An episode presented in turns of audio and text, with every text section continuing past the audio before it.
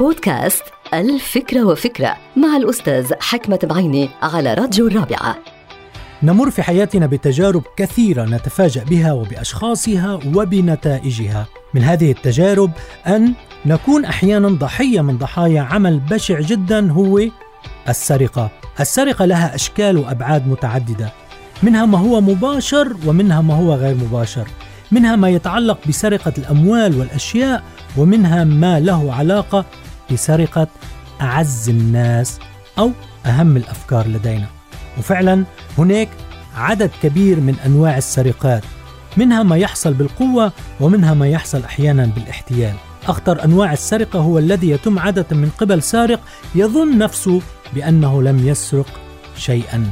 إن السرقة هي أخذ شيء ما ليس لك في الأصل من دون معرفة صاحبه وبهدف عدم رده لصاحبه. هذا النوع من السرقة يدخل في عالم القانون ولكن هناك نوع من السرقة اسمه سرقة القلوب.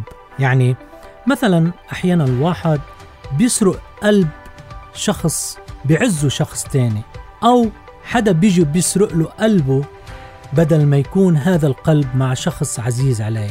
ولكن هذا النوع من السرقة لا يدخل في عالم القانون لأن القلوب ما بيمتلكها أحد.